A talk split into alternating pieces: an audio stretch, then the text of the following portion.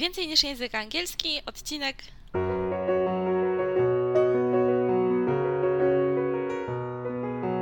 Witam, nazywam się Ewa Ostarek i jestem trenerem języka angielskiego. Sprawiam, że angielski to przyjemność. Słuchasz podcastu Więcej niż język angielski, który powstał dla osób takich jak Ty, które chcą odkryć i pogłębić w sobie pasję do języka angielskiego.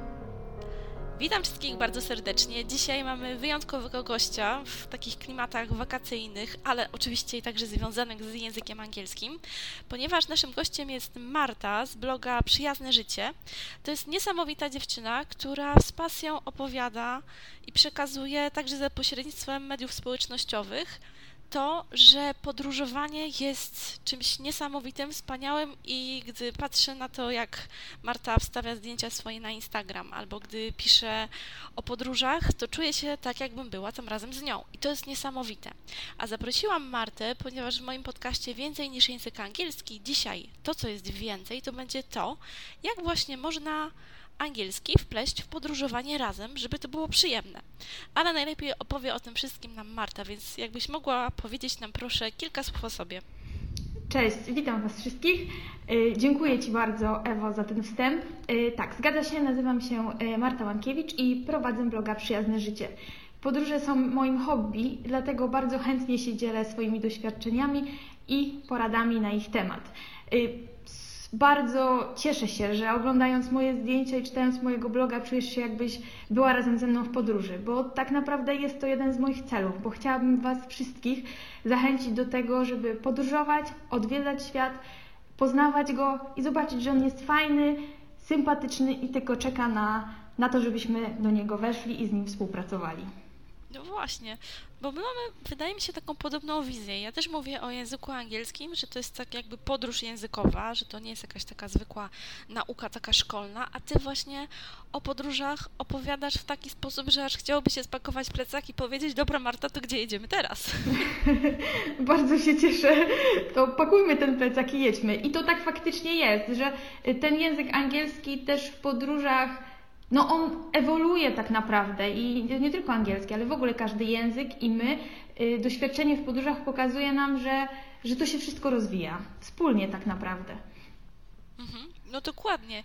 Ja jestem przekonana, że Ty masz bardzo wiele różnych przykładów, y, jak angielski wpłynął na Twoje podróżowanie i też oczywiście dzisiaj będziemy o tym opowiadać, bo mamy wiele takich ciekawych pytań. Ja sama też pamiętam, że gdy e, podróżowałam, czy gdy na przykład byłam we Włoszech, to tam dogadać się po angielsku wcale nie było takie proste, bo tam wszyscy bardziej po włosku, ale to też było coś takiego niesamowitego i właśnie chodzi o to, że język angielski w zasadzie może przydać się wszędzie. Więc jak, Marto, uważasz, do czego jest potrzebny angielski w podróżowaniu, Twoim zdaniem?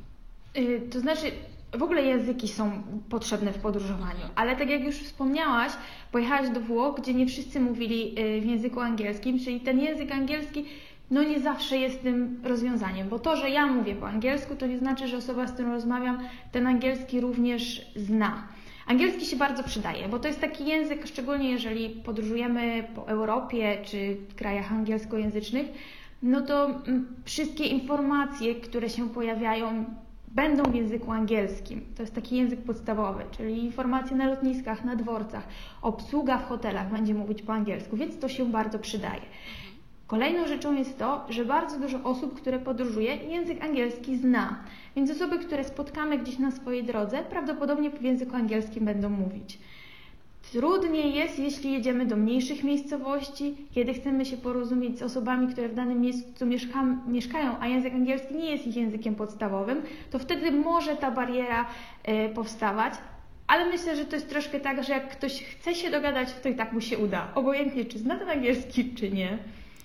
Właśnie, bo teraz sobie przypomniałam, że te Włochy wtedy to było takie malutkie miasteczko, takie, gdzie tam było bardzo dużo osób takich już starszych, ale w sumie ja spokojnie się dogadałam, bo chciałam zamówić lody, no wiadomo, mm -hmm. Włoszech nie zjeść lodów, no to straszne by było. No, oczywiście moje ulubione czekoladowe i e, tam potem, gdy obsługiwał taki chłopak, no może ciut młodszy ode mnie, to spokojnie z nim po angielsku nie było problemu, żeby, żeby się skomunikować i że zamawiałam też lody dla całej wycieczki, pamiętam, dla tych innych osób, które tam miały problemy z angielskim.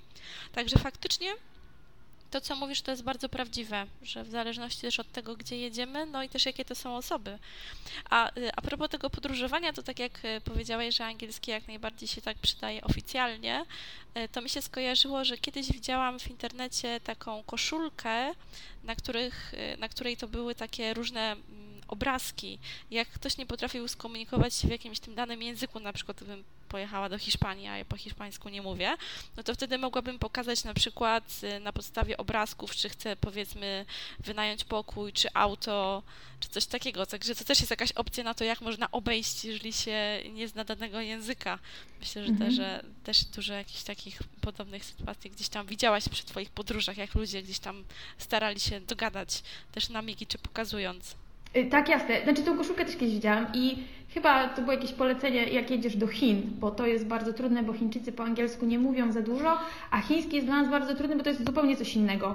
Mm, ale tak, zdarzało mi się i zdarzało mi się i rysować, i pokazywać, i używać y, słów z różnych języków, z polskiego, z angielskiego, z hiszpańskiego, czy z jakiegokolwiek innego, żeby się tylko porozumieć.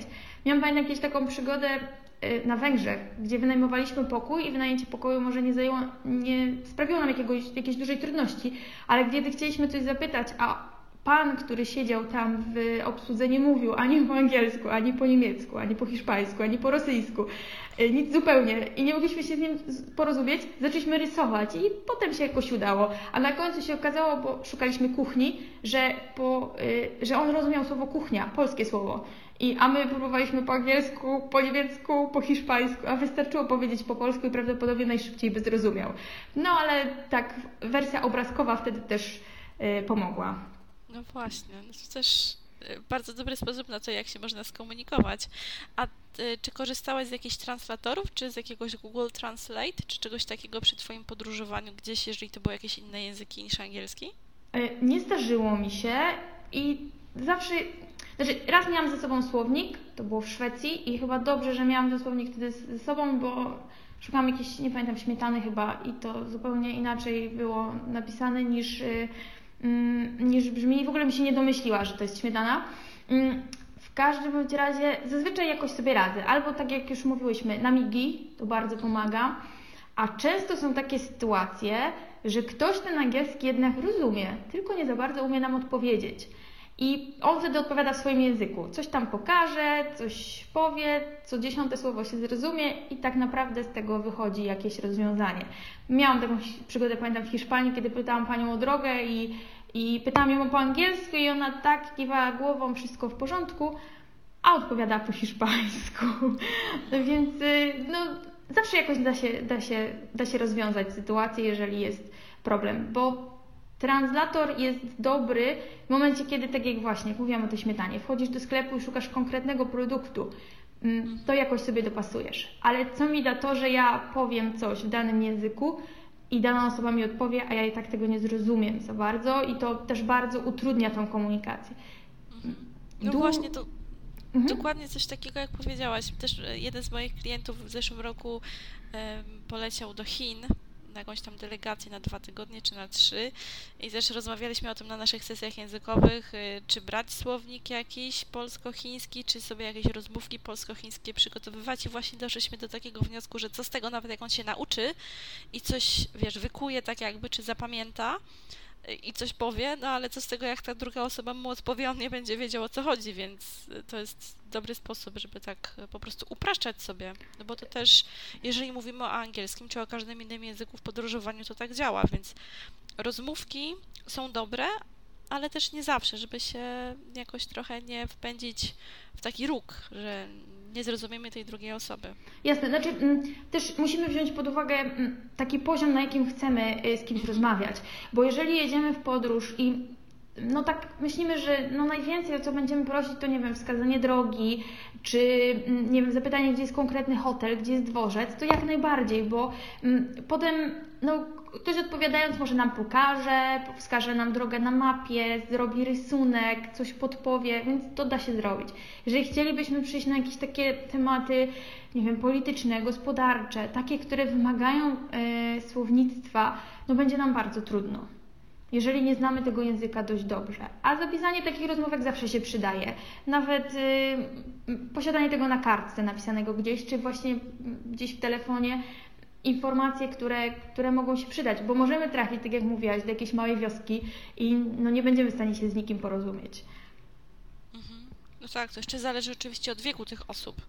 E, Mhm. Myślę, że ty też się z tym spotkałaś. Ale właśnie, jeżeli mówimy o, o języku, to jak ty się uczysz, czy uczyłaś języka i co sprawdza ci się najbardziej? Bo tutaj mówiłaś o tylu miejscach, które odwiedziłaś, więc e, na pewno wiele różnych języków gdzieś tam usłyszałaś. A jeżeli chodzi o to, jak ty się języka e, obcego uczysz i co ci się sprawdza najlepiej? Jeżeli chodzi o naukę, to najbardziej sprawdza mi się powtarzanie na głos, czyli słuchanie jakiejś konstrukcji, najlepiej całych konstrukcji, nie pojedynczych słów, powtarzanie ich e, później i rozmowa. I rozmowa, kontakt z drugim człowiekiem, najszybciej się wtedy uczę. Kolejnym, kolejną rzeczą jest w ogóle otoczenie się językiem.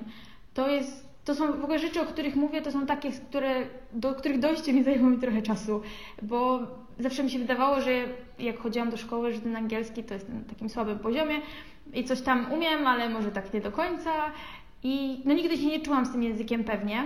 Tak naprawdę dopiero podróże pokazały, że ten język nie jest na złym poziomie, że sobie daje radę i, i że ta forma właśnie kontaktu z drugim człowiekiem, że nie każde słowo się zna, że trzeba czasami sobie poradzić, powiedzieć gdzieś naokoło, coś pokazać. To naprawdę działa i tak naprawdę też się uczymy, bo jak ktoś tego, to słowo nam podpowie, to my prawdopodobnie je zapamiętamy.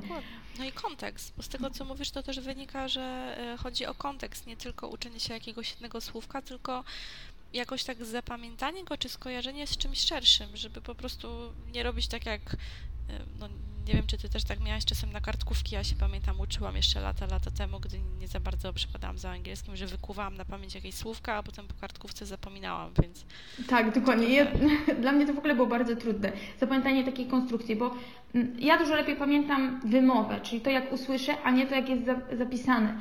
Szczególnie w języku angielskim ta wymowa jest inna niż to, jak to jest, słowo jest napisane.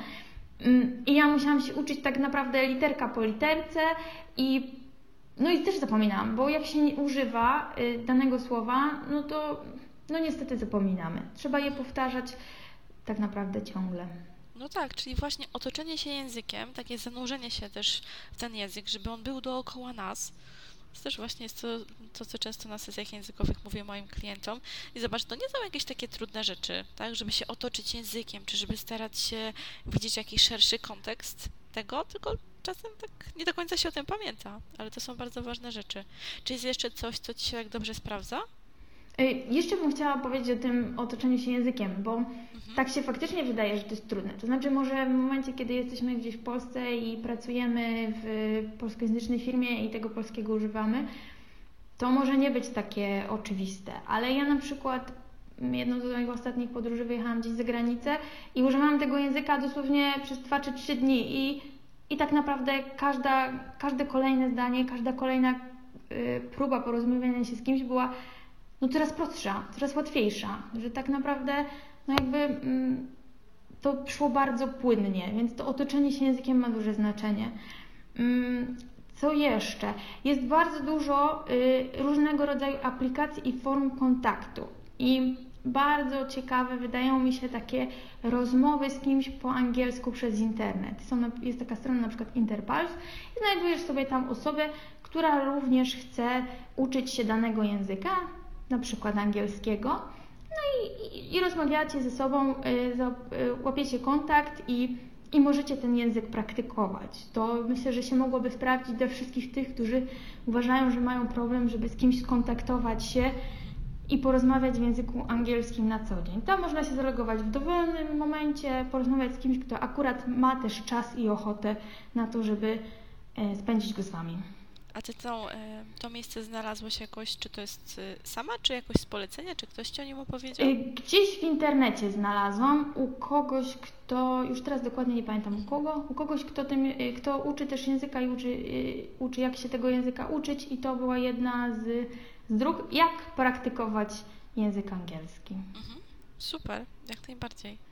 Ja też mówię, że dobrą zawsze mm, możliwością, jeżeli nie chce się szukać jakby daleko, to jest po prostu też postaranie się porozmawiania na przykład ze swoim dobrym znajomym, czy z kimś z rodziny, jeżeli mamy do takiej osoby zaufania, ta osoba też chce uczyć się angielskiego, albo na przykład y, po prostu znalezienie jakiejś biblioteki językowej i tam też są często bezpłatne jakieś warsztaty, kursy czy jakieś konwersacje. Przynajmniej wiem, że w mojej okolicy też była taka biblioteka i, i takie coś e, można było spokojnie mieć. I to było też bardzo przyjemne. Ale oczywiście przez internet, no z racji też mojej pracy jako trener języka angielskiego online, to wiem, że to jest bardzo wygodne. Także na pewno świetna opcja do tego, żeby poćwiczyć trochę ten angielski. No i nabrać takie, takiej jakby pewności językowej i, i tego, żeby też y, swój głos polubić po angielsku. Bo mhm. na tak, pewno... masz rację. Mhm. Zgadzam się w zupełności. Nie wiem, co ty myślałaś o swoim głosie, gdy tak mówisz po angielsku, czy w jakimś innym języku? Czy dla ciebie to na początku było coś takiego trudniejszego? Czy cięż, y, ciężej ci się było przestawić y, do swojego głosu w innym języku, czy nie? Nie pamiętam, żebym miała takie problemy. Ja w ogóle bardzo lubię swój y, głos po angielsku. Bardzo lubię po angielsku rozmawiać. Nie zawsze mi tam wychodzi to super poprawnie, ale naprawdę bardzo to lubię i no nigdy nie miałam z, tych, z tym większych problemów. Jeżeli chodzi o taką naukę ze znajomymi, to na przykład w moim wypadku nigdy to do końca nie wyszło. Próbowałam kilkukrotnie. Mm, chyba przy pierwszej osobie nie za bardzo był czas, a może chęci. E, przy drugiej trochę lepiej poszło, ale no też gdzieś tam w międzyczasie wyskoczyło coś ważniejszego. To jest jeden ze sposobów, jednak ja zawsze polecam i zachęcam próby rozmawiania z osobami, które języka polskiego jednak nie znają, bo wtedy no jakoś musimy sobie poradzić i tak naprawdę wtedy najwięcej się uczymy. Tak, nie ma tak, że o dobra, jakieś słowo wtrącę po polsku, czy tam potem szybko przejdziemy na polski. Tak, to jest bardzo, bardzo ważne. Bo jest na przykład bardzo dużo słów w języku angielskim, które brzmią podobnie jak w języku polskim i wydaje nam się, że one są poprawne. I mówimy je w wersji polskiej, albo e, wydaje nam się, że ten odpowiednik angielski znaczy to samo co w języku polskim i też tego używamy. I osoba, która mm, mówi po, po polsku, na to zrozumie w taki sposób, jak my chcieliśmy to przekazać, no bo zna język polski. A potem nagle się okazuje, że to jednak było zupełnie inne słowo, miało zupełnie inne znaczenie. Mm, a to wyłapiemy dopiero w momencie, kiedy rozmawiamy z kimś, kto tego języka polskiego nie zna. Tak. Czyli mówisz tutaj o tych tak zwanych false friends. Tak, dokładnie. Tak. Och, tak. Też pamiętam, gdy się uczyłam angielskiego, to były takie rzeczy, których nie potrafiłam zrozumieć. No czemu to jest inaczej? Co to tam jest w tych słowach? No ale to piękno języka angielskiego. tak. Zgadzam się. A jak to jest? Na ile korzystasz y, z tego języka przy podróżowaniu? No a może ważniejszy Twoim zdaniem jest jakiś inny język niż angielski przy podróżowaniu? Mm. Akurat w Twoim przypadku oczywiście, bo to też zależy, gdzie, gdzie się człowiek wybiera. Tak, tu masz zdecydowaną rację. Znaczy, mm, no my tutaj jesteśmy bardzo tym językiem angielskim otoczeni, więc wydaje mi się, że każdy z nas trochę ten język zna, obojętnie czy się go uczy, e, uczył długo, czy nie. Mm, ja pamiętam, że moje początki z angielskim w podróży były dość trudne mi ciężko było uwierzyć w siebie chyba, bo pamiętam, że ten język w szkole był taki bardzo surowy i tak nie uczył w ten sposób, który dla mnie jest najlepszy. Czyli my tam dużo na przykład czytaliśmy, dużo pisaliśmy, tak jak mówię, jakieś tam kartkówki, mm, dużo było gramatyki, która była dla mnie taka nie do końca zrozumiała. Dla mnie łatwiej jest nauczyć się konstrukcji i na jej podstawie nauczyć się gramatyki, a nie najpierw uczyć się gramatyki, a na jej podstawie tworzyć zdania. I te pierwsze wyjazdy nie były wcale jakieś takie bardzo proste. Najwięcej nauczyłam się podróżując samotnie, kiedy to tak naprawdę musiałam sama o wszystkim pomyśleć i sama, nad, i sama o wszystko zadbać. Kiedy nie miałam obok siebie nikogo, kto w razie czego mnie tam wsparł językiem. Mhm. E, I, I się okazało, że ten język wcale nie jest na takim złym poziomie i że całkiem dobrze mi to idzie. Czyli I też myśl... trochę bardziej uwierzyłaś w siebie wtedy. Zdecydowanie tak. Taka, taki wyjazd i rozmowa, w ogóle rozmowa z kimkolwiek po angielsku, kiedy widzisz, że ten ktoś naprawdę Cię rozumie, to dla osób początkujących to ma tak wielkie znaczenie, dlatego bardzo zachęcam do tych rozmów. Gdyby to było powiązane z podróżą, to w ogóle fantastycznie było. Zobaczycie dużo nowych rzeczy, dużo rzeczy poznacie, ale jeżeli nie macie odwagi, Rozmowa nawet przez internet z kimś po angielsku spowoduje, że wasz poziom pewności siebie na pewno wzrośnie. Bo się okazuje, że, że naprawdę w tym języku poruszacie się bardzo sprawnie. Mhm.